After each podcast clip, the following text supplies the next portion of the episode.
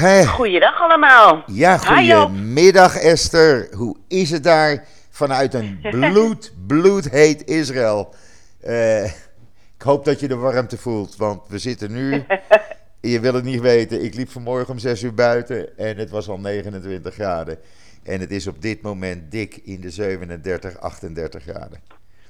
Dus eh, Ja, dat, is toch wel, eh, dat zijn toch wel eh, temperaturen die, eh, die, die redelijk exceptioneel zijn. bij jullie. Goeiedag, dames. Dus, uit dat dag, dames eh, en heren trouwens. Dit Ja, is goedemiddag. nummer 13. Goedemiddag. Deze keer niet op een donderdag, maar op een vrijdag. Want dit is mijn laatste vrije dag. Voordat we volgende week weer beginnen met de productie van het NIW. Hoe komt dat En, uit, hè? Vrijdag en het is je vrije, laatste vrije dag. Mooi. Ja, joh, weet je.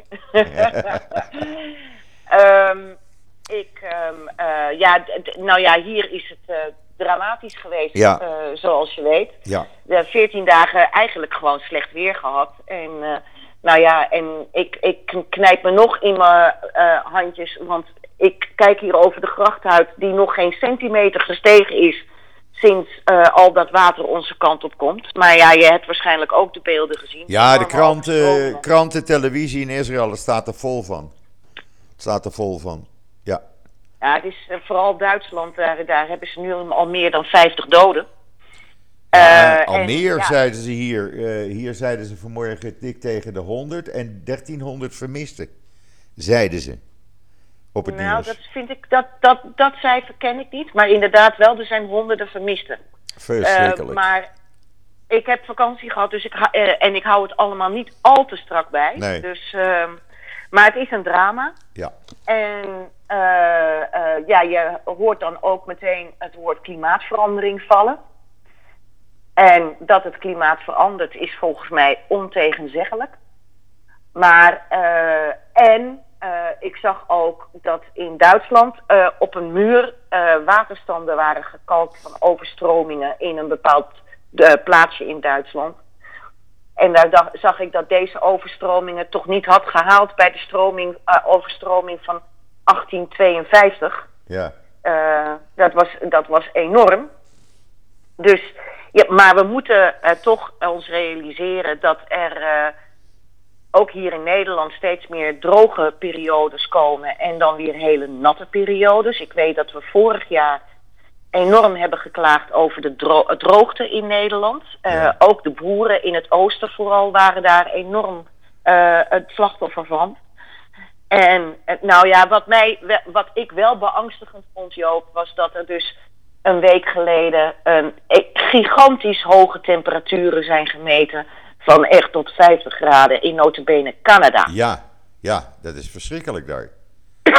Dat vond ik toch wel een Ja. beetje raar. Ja, dat is heel raar. Kijk, wij hebben ook wat exceptionele eh, dagen gehad hoor. Ehm, eh, ook van de winter. Opeens hele intense regenbuien, wat eigenlijk nooit zo gebruikelijk was. En er viel in een korte tijd een heleboel water. Vandaar ook dat meer van Tiberias eh, bijna overstroomde. En we hebben in april al gamsims gehad met 38 graden. En sharafs. En ja, dat gebeurt wel vaker, maar niet in die mate wat we nu hebben gehad. Dus dat er iets verandert, ja. ja. Alhoewel de hoge temperaturen die we nu hebben, en het weekend wordt het 40 graden en meer, is normaal voor de tijd van het jaar. Oké, en hoe lang duurt, duurt die periode dan ongeveer? Nou, het is hier nu, eh, het begint morgen en het eindigt dan woensdag. En dan, ja, mijn ervaring is dat we altijd in de eerste week augustus, eind juli, eerste week augustus, hebben we hier waar ik zit, Ierjamin, bij Natanja, eh, eh, dagen met 42, 44 graden. Dat is elk jaar nog geweest. Maar dat is een paar, eh, een paar dagen. Dat is een paar dagen. Wacht even, Oké. Ik heb in dat kader, Joop, nog een vraag. ja. Ik was vorige week zaterdag, of afgelopen zaterdag moet ik zeggen, te gast bij eh, het eh, congres van de JOVD, de jongerenafdeling van de VVD, om te praten over het Israëlisch-Palestijns conflict. Ja, Eh, ik, had, ik, heb- ik had vakantie, maar ik vond dit wel heel erg belangrijk, omdat ik ook eh, eh, deze jonge, misschien aankomende politici even een ander geluid wilden laten horen dan wat ze gemiddeld horen, zeg maar. Ehm, en uh, nou, dat was, dat, ik, ik vond het fijn dat ik daar, uh, daar mocht spreken. En na afloop kreeg ik een vraag van uh, een van de aanwezigen, een jongere. En die had het ook in het kader van klimaatverandering enzovoorts over wat er nu gaande is met de Dode Zee. En dat die Dode Zee dus leeg raakt. En hij vroeg zich af of er al schot zat in bijvoorbeeld de plannen die er zijn om uh, weer water naar de Dode Zee te brengen vanuit bijvoorbeeld de Middellandse Zee. Want jij had het net over het meertje van Tiberias dat overliep. En wij weten dan altijd dat als het water daar overloopt, dat ze daar die dam opengooien richting het zuiden, richting de Jordaan. Maar uh, er is ontzettend veel uh, agrarische activiteit langs de Jordaan. En er komt steeds te weinig water in de Dode Zee, waardoor het extra verdampt. Weet jij iets van die plannen? Want die plannen liggen er al heel lang, maar wordt er al aan gewerkt? Nee, die plannen liggen er. Er wordt af en toe over gesproken.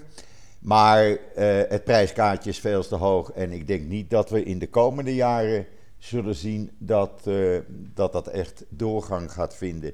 Het graven van dat kanaal. Maar wat er wel is, uh, en dat is toch wel belangrijk. Israël heeft Jordanië een extra waterhoeveelheid van 50 miljard kubieke meter toegezegd. En die krijgen ze nu ook. Juist om dit soort problemen te verhelpen.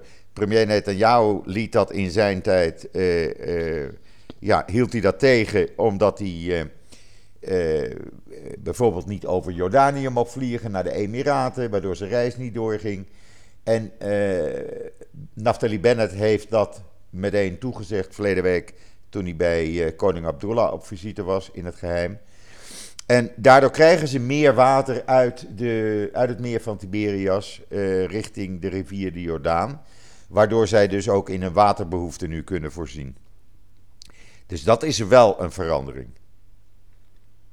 Uh, maar, maar uh, het feit is dat de Dode Zee blijft verdampen. De Dode Zee blijft verdampen en dat is al uh, tientallen jaren aan de gang. Ja.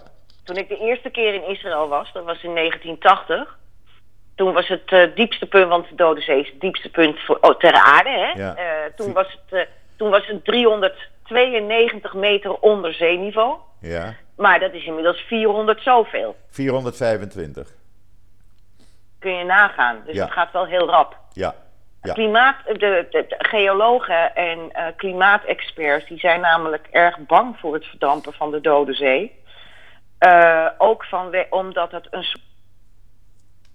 schept in de woestijn, omdat het toch over het algemeen eh, water werkt verkoelend. Ja. Dus ze zeggen op het moment dat het helemaal opgedroogd zou zijn, krijg je nog meer hitte. eh, ehm, eh, ontwikkeling Ja. in dat deel van de woestijn. Ja. Ja, dat klopt. Dat was het verhaal wat ik hoorde hoor. Dat Dus, klopt. eh, Nee, dat klopt. Men is daar, ja, die plannen liggen er, maar dat, is, dat gaat miljarden, miljarden dollars kosten. En eh, er is geen financiering voor gewoon op dit moment. mhm.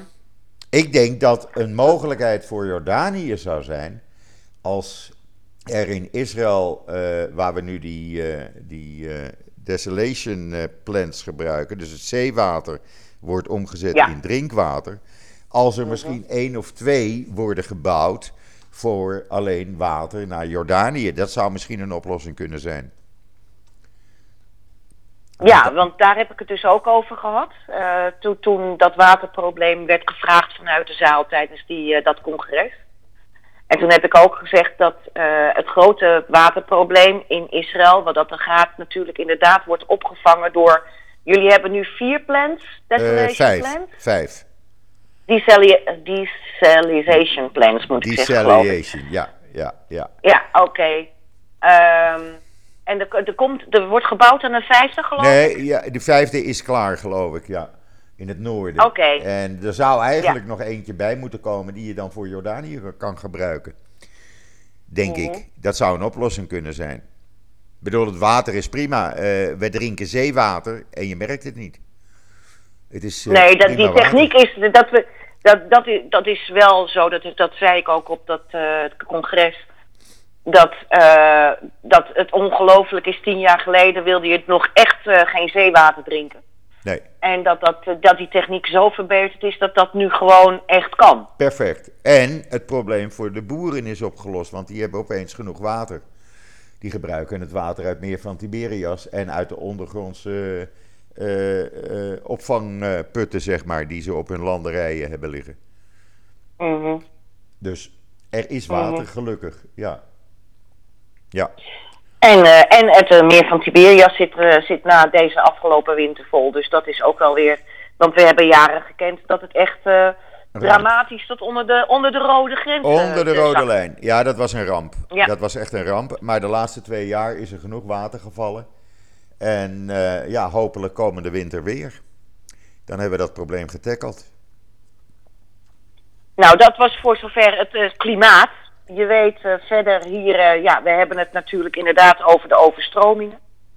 Ehm, eh, Roermond zit nu in angst en beven, want binnen een paar uur gaat Roermond de hoogste waterstand krijgen. Ja, Ehm, eh, maar ja, er, er is nog meer natuurlijk hier wat het, het nieuws beheerst. En dat is de moord op Peter R. de Vries. ja verschrikkelijk. Verschrikkelijk. Hoe wordt, daar, hoe wordt daar in Israël op gereageerd? Heel groot in het nieuws, zelfs op televisie. Heel groot op het nieuws. En eh, alle kranten brengen het, de Hebreeuwse kranten, de Engelstalige kranten. eh, Times of Israel vanmorgen had een heel groot artikel erover. Eh, het werd gisteravond op televisie genoemd. Ja, het is. Ik was geschokt, laat ik het zo zeggen. En het blijkt dat het wereldwijd toch nieuws is geworden. In Amerika, in Azië, in Engeland, Frankrijk, overal is het in het nieuws. Want het is natuurlijk een journalist eh, die vermoord is. Niet zoals de Telegraaf schreef, Peter R. Vries overleden. Nee, Peter R. de Vries is vermoord om wat hij deed. En dan hoef je het niet altijd met hem eens te zijn. En dat was ik ook niet. Maar het is toch iemand die voor, voor mensen opkwam. En die recht, eh, recht zochten. En eh, ja, eh, eh, ik vind dat nogal wat. Ik, ik, ik was er echt even geschokt van. Want het blijkt, zoals Wierduk gisteren eh, aan mij schreef op Twitter... Nederland is een narco-staat geworden. Omdat men weet, de drugshandelaren in Nederland... de straffen zijn laag en wij kunnen onze gang gaan. En ik ben het toch wel met die conclusie met hem eens. Helaas. Ik denk dat eh, inderdaad de, de, de, de hele aanpak van eh, die mokromafia eh gewoon veel te... Ik denk dat ze om, ze, om ons lachen. Ja, wat ik ook zie hier, wat er gebeurt, is dat mensen meteen beginnen te zeggen van ja, maar het komt ook omdat die Marokkaanse jongetjes allemaal te weinig, nou ja, te, als erg worden achtergesteld. Daar was iets over. Ehm, dat zie je vaak. eh, de, de kansengelijkheid moet verbeteren. En dan vraag ik me toch af, want ik kwam vanochtend op Twitter tegen dat eh Ridouan Taghi op het VWO zat. Die zat op het Atheneum. ja moet je En nagaan. Nabil B, Na, Nabil B hè, de, de, de, pardon, de gro- grote kroongetuige, die studeerde. En de broer van Nabil B, Na, eh, Nabil B is ehm, partner bij KPNG. Dus het, eh, weet je, daar wil ik alleen maar mee zeggen, het kan dus wel. Het, natuurlijk kan En het. eh, v- vooral, vooral die kleine eh, jongetjes met een laag IQ, want eh, die, ook die, die ene jongen die nu als dader wordt aangewezen, die heeft kansen gehad, want hij heeft in televisieprogramma's gezeten en weet ik veel wat. Dus ja, daar heb ik dus een beetje moeite mee om het dan maar daarop te gooien. Want iedereen heeft eh, de keuze tussen goed en kwaad. Ja, En eh, Peter was natuurlijk een ongelooflijk eh, dappere man. Want dat, dat vind ik hem vooral. Dapper. absoluut. En doordouwer. Een doordouwer en dapper. Ja, En eh, eh, ja, en hij weigerde ook beveiliging. Nou, dat kan, dat, dat kan ik me ook voorstellen. Hè? Mensen vragen mij ook wel eens van, handel jij nu anders vanwege ja, dat je toch een van de meest zichtbare Joden in Nederland bent? En dan zeg ik ook nee, want dan hebben ze bij voorbaat gewonnen. Ja. En ik denk dat uh, Peter R. echt iemand was die heel bewust zei van ik wil die beveiliging niet, want dat beperkt me veel te veel in mijn, in mijn bewegingsvrijheid. En gisteren werd er ook nog gezegd, ja, hoe, hoe zou je dan anders met allerlei loesje figuren moeten praten als iedereen weet uh, uh, waar die zich bevindt? En ja. welke ontmoetingen die heeft. Ja. Dus het kon voor hem ook helemaal niet. Nee, het zou zijn werk onmogelijk gemaakt hebben. Ja, het zou zijn werk echt onmogelijk gemaakt hebben. Dus, dus ja, ongelooflijk dapper mens. En nou ja, hier zijn natuurlijk alle uh, ook televisieprogramma's en als een wapenfeiten. Nou, overal. Ja. Overal. Het drukt zelfs de, het nieuws van de overstromingen een beetje weg. Ik hoorde het gistermiddag pas om een uur of vier dat hij dus echt uh, ja, dood was. En het is een soort dubbele schok. Ja. Maar weet je wat ik, weet je wat ik niet begrijp, uh, Joop? Ja. Uh, Peter was, uh, Peter R, moeten we dan zeggen, was een uh, televisiepersoonlijkheid en voelde zich heel erg thuis bij RTL. En uitgerekend RTL heeft die ontzettend succesvolle serie De Mokro Mafia, binnenkort seizoen 4. En, da en daar wordt zeg maar het allemaal zo spannend gemaakt. Hè? Het is dan toch een, een ja, men, men laat een ander leven zien dan een kabbelend en rustig leven. En het wordt op een of andere manier een beetje geromantiseerd. En uh, dat begrijp ik niet, want ik kan me voorstellen dat dat jongeren gewoon aantrekt, die spannende wereld van snelle auto's en het snelle geld verdienen. Daar zouden uh, jongeren dus, inderdaad gevoelig voor kunnen zijn, ja. Ja, het is een beetje dubbel eigenlijk wat RTL dan doet. Denk ik. Aan de ene kant uh, uh, het verheerlijken en aan de andere kant uh, ja, hebben ze nu een van hun beste presentatoren die vermoord is. Ja, door een die, van hun beste krachten in ieder geval. Ja, ja. Door, die, door diezelfde Let wel hoor, ik was het niet altijd met, ons, met, met hem eens hoor. Nee, dat hoeft ook niet. Dat ik, hoeft ook niet. Ik had zelf bijvoorbeeld moeite met het feit dat toen de, um, toen de aanslag had plaatsgev plaatsgevonden op Charlie Hebdo weet je wel, die, die Ja. cartoonisten in, Ja. in Parijs. Ja, Dus, eh, Pe- Peter R. stond een beetje op het standpunt van, ja, ze hebben het ook wel een beetje zelf uitgelokt. ja. En eh, daar, daar had ik zelf moeite mee. Maar, ik mij voorstellen, eh, maar- maar, maar, maar zijn, zijn moed en zijn vasthoudendheid en ook wat ik dus nu hoor, zijn medemenselijkheid naar al die families van slachtoffers van, van, van, van, van of juridisch dwalen of eh, eh, verschrikkelijke moorden. Ja, dat, dat, dat was hij ook. Ja. Dat was hij ook. Nou, mij staat En- erg bij die Puttense moord- moordzaak, hè, waar die, die twee mensen die veroordeeld Ja. waren, toch vrij heeft gekregen na zeven of acht jaar.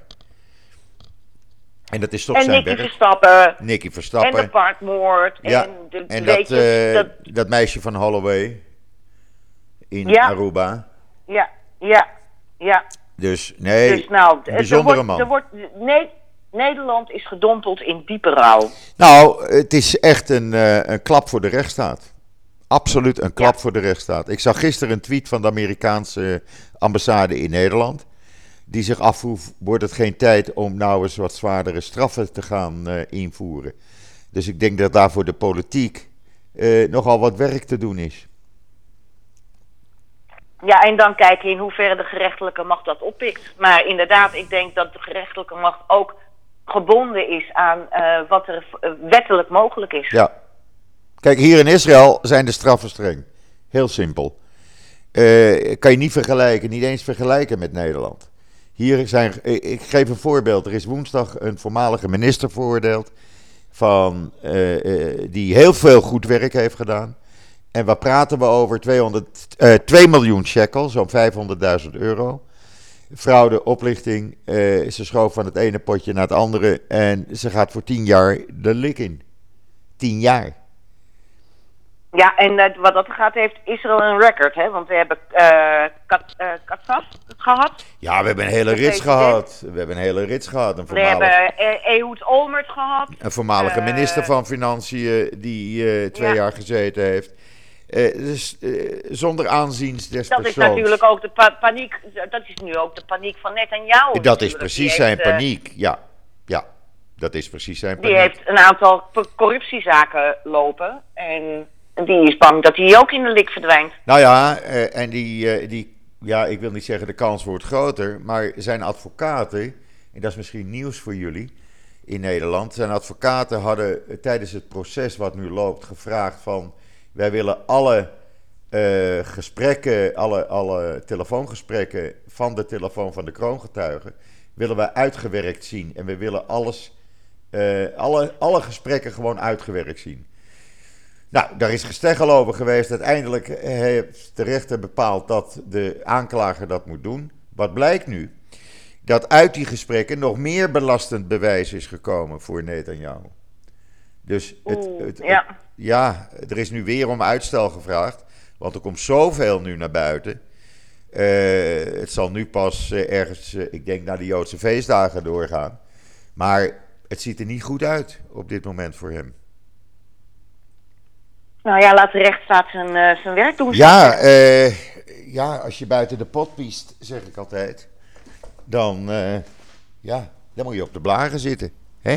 Moet je het opruimen. Ja, precies. Dus. En inderdaad, zonder aanzien des persoons. Nee, dat, dat gebeurt hier toch. Ik bedoel, dat hebben we met Katsaf gezien, we hebben het met Olmert gezien. dus dat gebeurt hier toch.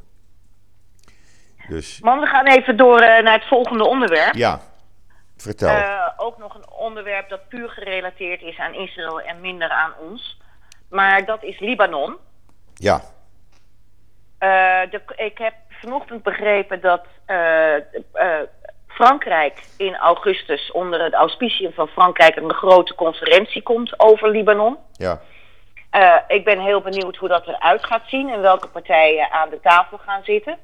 Want ja, Hezbollah heeft natuurlijk aan aanzien in Libanon ingeboet sinds die afgrijzelijke explosie in Beirut. Ja. Want het was duidelijk dat die explosieve stof die daar lag in de haven van Beirut, midden tussen de uh, woonwijken in, dat dat uh, bestemd was voor Hezbollah. Ja. maar hoe, hoe kijken ze in Israël aan tegen de enorme ramp die nu, het is ramp op ramp, hè? Ja, nou heel op simpel. dit moment in Libanon gaande is. Heel simpel. Er is een aanbod via Benny Gantz, de minister van Defensie, geweest. Uh, even kijken, dat is verleden week geweest. Eind verleden week, begin deze week. Uh, waarbij hij duidelijk gezegd heeft: wij staan klaar om Libanon te helpen. Met voedsel, met andere hulp. Als Libanon hulp van ons wil, dan krijgen ze hulp. Wij zijn er klaar voor. En dat zal dan via via moeten, want dat kan natuurlijk niet rechtstreeks. Dat kan niet rechtstreeks, via nee. Ja. Via Cyprus moeten of zo. Ja. En uh, Cyprus is inmiddels, net zoals Nederland, rood gekleurd voor wat betreft de COVID-besmettingen. Uh, Besmettingen, ja. Um, dus, dus we gaan even kijken wat voor consequenties dat allemaal heeft voor het toerisme. Maar ja, we moeten ook naar ons eigen land kijken, want wij zijn inmiddels ook rood gekleurd. Wij Ja. hadden gisteren 11 meer dan 11.000 besmettingen en dan gaat het om de Delta-variant. Ja, en dan moet je nagaan. En dan maken ze zich hier in Israël druk. eh, Helemaal vandaag, nu we 855 nieuwe besmettingen in de afgelopen 24 uur hadden. Nou, dat is eh, bijna paniek. Alhoewel het aantal ziekenhuisopnames minimaal is, want er liggen maar 99 mensen in het ziekenhuis. En er Ja, zijn, dat blijft bij ons vooralsnog ook beperkt. ja, Maar, maar jullie dragen binnen weer mondkapjes, hè? Wij zijn verplicht in alle publieke ruimte een mondkapje te dragen. Doe je dat niet, dan krijg je een bekeuring. En die kan oplopen tot 500 shekel, pak een beet, 130 euro. Dat is nogal wat. Ja, hier Ja. in Nederland Maar het werkt. hebben ze daar moeite mee. Het werkt. Mondkapjes in Israël hebben ze gezegd, al uh, verleden jaar al. Draag een mondkapje. Het eh, beschermt tot 84% tegen het krijgen van die eh, virusbacillen. zeg maar. En uh, er werd gisteravond op televisie gezegd door de directeur Volksgezondheid. Uh, hou er maar rekening mee, die mondkapjes blijven verplicht tot het voorjaar van 2022. Ja, dus uh, jullie gaan ook met mondkapjes de winter door, zeg maar. Wij gaan de winter door en ik zie nu al, sinds het werd aangekondigd van de week dat we ze weer moeten dragen in publieke ruimte, dat heel veel mensen gewoon ze ook op straat uh, dragen. En mensen, kijk hier in Israël is het hier, het is hier vergeleken met Nederland iets anders. Hier zegt men, oké, is het niet om mijzelf te beschermen, dan is het om een ander te beschermen. Dus men heeft geen moeite met het dragen van mondkapjes. En iedereen doet dat dan ook. En hoeveel mensen, of nou ja, dat is misschien een, een, moeilijke vraag, maar zijn er nog veel mensen in Israël die nog steeds niet gevaccineerd zijn? Ja, er zijn uh, ruim 1 miljoen mensen die niet gevaccineerd zijn. Waarvan uh, natuurlijk kinderen onder de leeftijd van 12 jaar. Dat zijn er, uh, ik geloof, 800.000. Uh, en dan hebben we nog een groep van 800.000 mensen, zegt men, die zich niet wil laten vaccineren. Uh, en de rest, ja, die, ja, ik zie nu bij mij tegenover waar ik woon, boven de shoppingmall, is een kantoor van een ziekenfonds. En daar is het de laatste week erg druk met mensen die zich laten vaccineren. En waarom weet ik dat? Omdat er veel mensen uh, uh, het gebouw ingaan, na een tijdje eruit komen en dan buiten gaan wachten, gaan zitten. Want je moet 15 minuten wachten voordat je weer naar huis kan. En daar merk ja. ik het aan. En dat is vrij druk de hele, de hele week al, ja. Mensen laten zich echt vac vaccineren. Oké, okay, want uh, hier in Nederland hebben we natuurlijk een grote groep die dat niet wil. Ja. Weet jij ook van, van mensen die opnieuw zijn opgenomen in het ziekenhuis die al wel gevaccineerd ja. waren? Ja, er zijn uh, vooral mensen in de 80 jaar leeftijd, 80 plus. Die waren opgenomen in, ziek, in de ziekenhuizen, waren gevaccineerd twee keer. En er zijn er zelfs een aantal van overleden. Dus, Juist, dat betekent maar het zijn wel, in ieder geval... het zijn wel, laat ik dat eraan toevoegen, mensen met onderliggende ziektes. Hè? Want dat onderscheid wordt er wel bij gemaakt hier. Het zijn ja. bijna altijd mensen in die leeftijd die ook andere ziektes hebben. En daardoor Mhm. uh, ja, minder weerstand uh, hebben. Vandaar dat ze hier hebben gezegd: we gaan, ondanks dat de FDA nog geen uh, toestemming heeft gegeven, gaan wij En toch. leg even FDA uit. Leg Uh, de Amerikaanse uh, Food and Drugs Authority. SSC, ja. ja, agency, uh, gaat men toch hier mensen die een verzwakt immuunsysteem hebben, een derde injectie geven. Daar is men al mee begonnen. En dat zijn mensen, dan moet je denken aan mensen die een longziekte hebben, een infectieziekte hebben, kankertherapieën ondergaan, chemotherapieën. Uh, waardoor het. Ja, daar werd hier door uh, de, de, de, de medisch directeur van Pfizer Nederland, of weet ik veel, misschien wel Pfizer Internationaal, meneer Kaptein heet hij geloof ik, werd er ook al voor gepleit om, om een derde boost Ja. te geven aan. ehm, eh, ja, inderdaad kwetsbare mensen. Ja, nou daar is men mee begonnen afgelopen zondag. Oké, nou laten we kijken wat dat doet. Ja, men maar zegt het is het, duidelijk het, dat, het helpt. dat voorlopig, we zijn voorlopig niet van COVID af. Dat nee, maar ik, ik vergelijk het vaak, en dat mag je misschien raar vinden of misschien ook niet. Ik zeg vaak, luister, we hebben ook de griep elk jaar, ook die muteert. Hier in Israël is het verplicht boven de 60 jaar dat je een griepinjectie neemt. Of verplicht, ze dwingen je ertoe. Want als ik het niet zou doen, dan blijven ze elke dag bellen totdat ik er helemaal gallisch van word en zeg van nou oké, ik ga. Ja? En dan, dan dwingen ze je gewoon die griepinjectie te nemen. En toch krijg ik, heb ik jaren gehad dat ik toch een beetje lichte griep had, een beetje verhoging, me een paar dagen niet lekker voelde. En ik denk dat dat met dat COVID-virus precies hetzelfde is. Het is een virus en dat zal nooit meer weggaan. We moeten ermee leren Mhm. leven. En geen paniek, denk ik dan. Want ja, het is er.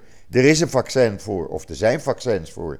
Binnenkort in Israël hebben we ook medicijnen ertegen. Eh neusspray is nu goedgekeurd eh ertegen.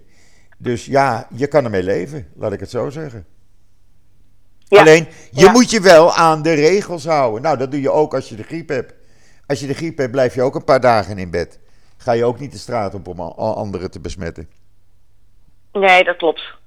Dat klopt. Nou ja, hier in Nederland eh, zitten ze natuurlijk eh, nu- met toch weer wat terugdraaiende maatregelen. Het is waar dat eh, de regering het helemaal heeft opengegooid een aantal weken geleden. Ja, en dat is niet goed. Nou, sindsdien gaan de, gaan de besmettingen sky high. Ja, Ehm, er is een debat geweest in de Kamer. En Ja. Eh, ik geloof dat Sylvana Simons eh, Rutte verantwoordelijk stelde voor eh 30.000 doden hier in Nederland. Nou, Ja. hoe haal je het in je hoofd? ja nou ja, goed. Weet je? Iedereen heeft te maken met, met deze pandemie. En Ja. we weten het allemaal niet goed. Maar je, je ziet. ehm, eh, eh, en ehm, er, was on- er is ontzettend veel kritiek. Ook op het regeringsbeleid dat ze het helemaal opengegooid hebben. Maar ik heb vanochtend nog even een draadje getwitterd. Moet je even kijken wat al die politieke partijen in de Kamer zeiden. Ja, eh, om, om het opengegooid te krijgen. ja, ja. Dus ze hebben allemaal boter op hun hoofd. Hun Als hoofd. ze nu enorme, enorme kritiek beginnen te leveren. Want Ja. de hele Tweede Kamer kan alle cijfers bekijken. Was van over- overal op de hoogte voor wat betreft COVID. En nu ineens is het ach en wee en eh, eh, het deugt allemaal niet. Nou ja, wat ze Dat hier in Israël, wat ze hier in Israël doen, en dat is iets wat Nederland ook zou moeten doen. Men kijkt hier naar Taiwan. Taiwan is tot, tot nu toe het enige land waar ze de Delta-variant onder de knie hebben. En hoe is dat gekomen? Dat is gekomen doordat ze veel en snel gingen vaccineren en verplicht mondkapjes lieten dragen. En het blijkt nu dat daar de Delta-variant onder de knie is. Eh, de, de, de, het aantal besmettingen neemt alleen maar af. En eh, mondkapjes blijven verplicht. En vandaar dat men dat in Israël nu kopieert. En dat zou men in Nederland ook moeten doen. Er is genoeg bekend in andere landen waar het wel succesvol werkt. Eh, gebruik die gegevens, zeg ik dan. En ga niet het wiel opnieuw uitvinden. Mhm. Nou ja, net, net zoals men in Nederland de gegevens van Israël gebruikt. Ja, Dat hoor je ook in de talkshows. ja maar dan moeten ze wel de mondkapjes gaan invoeren. Ja, ja. Ik denk ook wel dat dat gaat gebeuren hoor. En men moet zich eraan houden. Ik, ik heb er geen probleem mee om een mondkapje in een winkel te dragen. Echt niet. Het is geen enkele Nou ja, belemmering. het gaat meer, het gaat meer Joop, om eh, inderdaad, de, ze gooiden de nachtclubs open.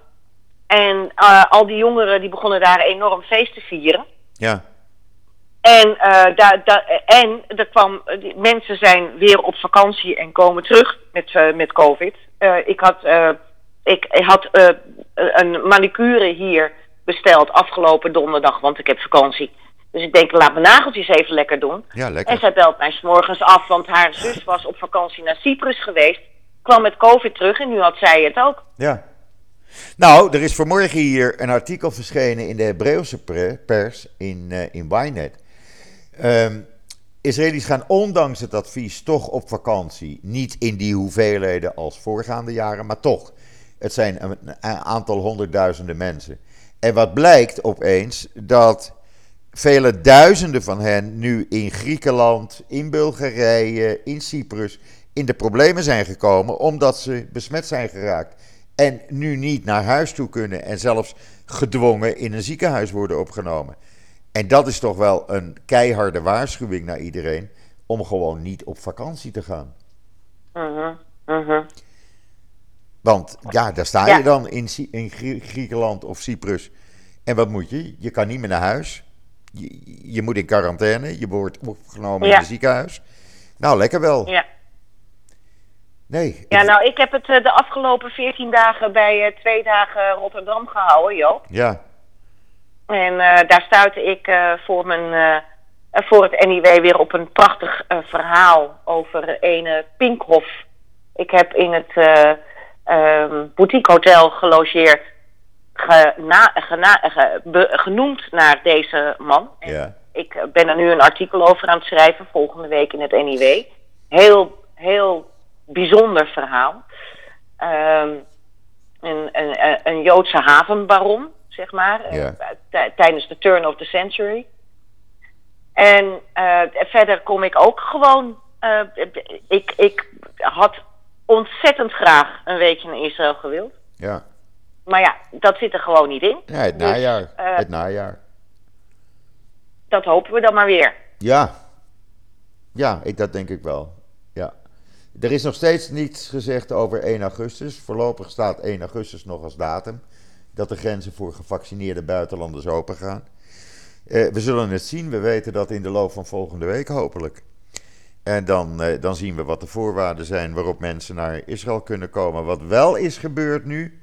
Men heeft voor eerste graads familieleden eh, uit het buitenland die naar Israël willen komen om hun kinderen en kleinkinderen te zien, ehm, het makkelijker gemaakt. Ik heb daar toevallig gisteren een artikel over online gezet met een link erin naar het formulier wat je online invult. En als je dat doet vier weken voor vertrek, heb je binnen drie weken eh, het ja of nee. En vaak is dat ja.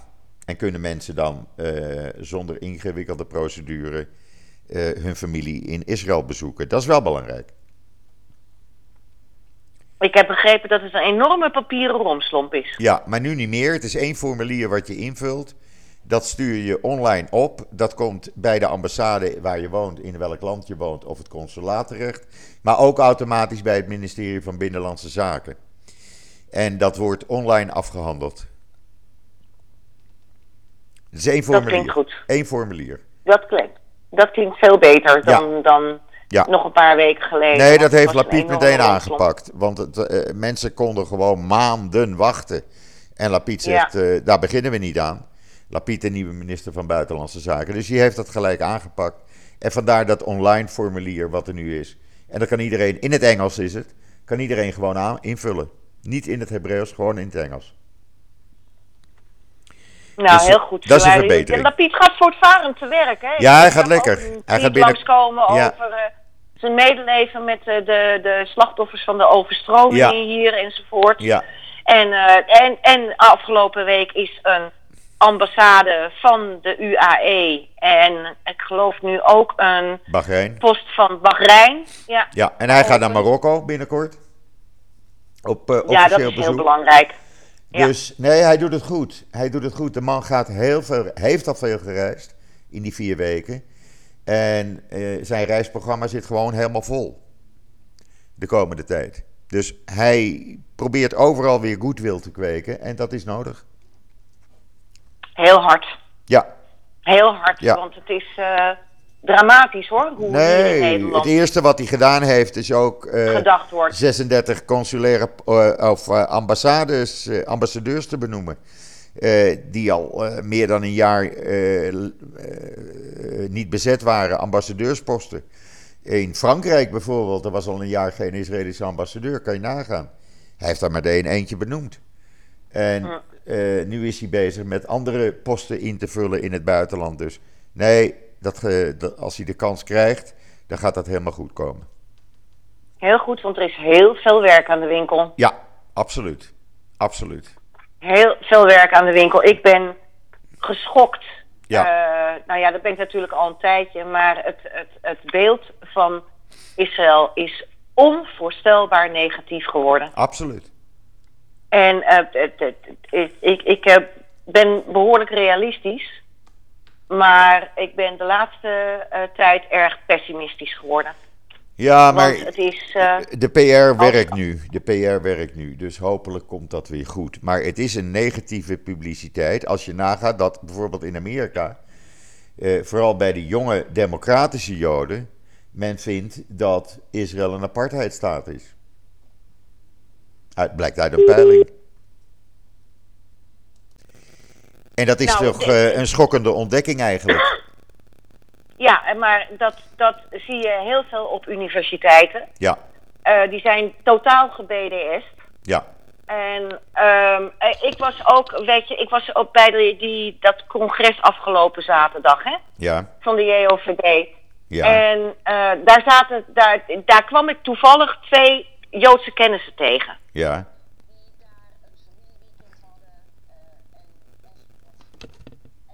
Wacht even, wacht even. Je valt even weg. Wacht even. Wacht even. Ben je er nog? Wacht even. Dat congres. En daar kwam ik toevallig eh, eh, een Jood. eh, die ik ken vanuit mijn eh studieverleden. En die zag dat ik sprak. Hij zegt: Oh, wat leuk, ik wil daar even bij zijn. Die was daar voor een familieweekend met zijn vrouw en zijn kinderen en zijn vaders en moeders enzovoort. Ik zeg: Nou, hartstikke leuk, dus eh, kom erbij zitten. Dus die kwam erbij zitten. En die vertelde mij ook: Ik heb het opgegeven. Ja. Ik heb het opgegeven om nog langer eh, met mensen in discussies hierover te gaan. En dat is iets wat ik meer zie eh, bij, bij Nederlandse Joden. De, de hoos aan eh, eh, de, tegen, de tegenwind die je krijgt is zo groot dat je moet sterk in je schoenen staan. Wil je gewoon blijven zeggen, ja maar jongens, er is ook nog een andere kant. Ja. Want binnen de kortste keren zit je in heel heftige discussies. En het is natuurlijk wel aan de mens ook dat je graag mee wil lopen met de kudde. Ja. En dat je dus niet iedere keer eh, de uitzondering wil zijn die zegt van ja, er is ook nog een andere kant. En je ziet dat heel veel Joden hier in Nederland gewoon moe zijn geworden. Ja. Moe om iedere keer die discussie aan te gaan. Nou ja, het moet dus nu vanuit Israël komen. En eh, het is een van de speerpunten van eh, de, regering, de nieuwe regering.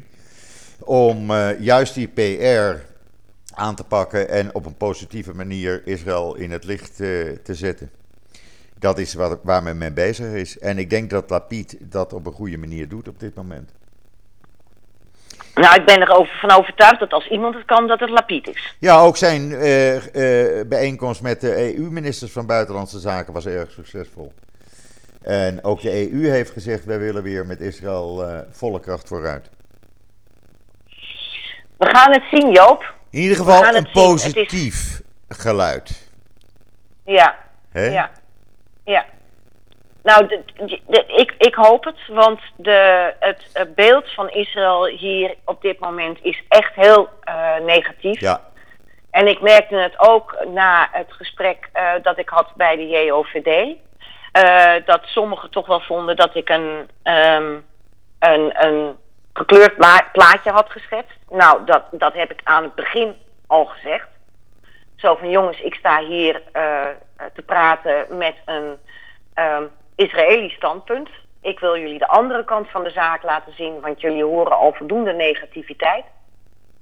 En eh, eh, ja, dan wordt je dus verweten dat je een gekleurd plaatje hebt, terwijl je dat van tevoren al aankondigt. ja, En eh, eh, ja, oh, daar merkte ik ook dat er erg veel eh, weerstand was, zelfs binnen een partij als de VVD.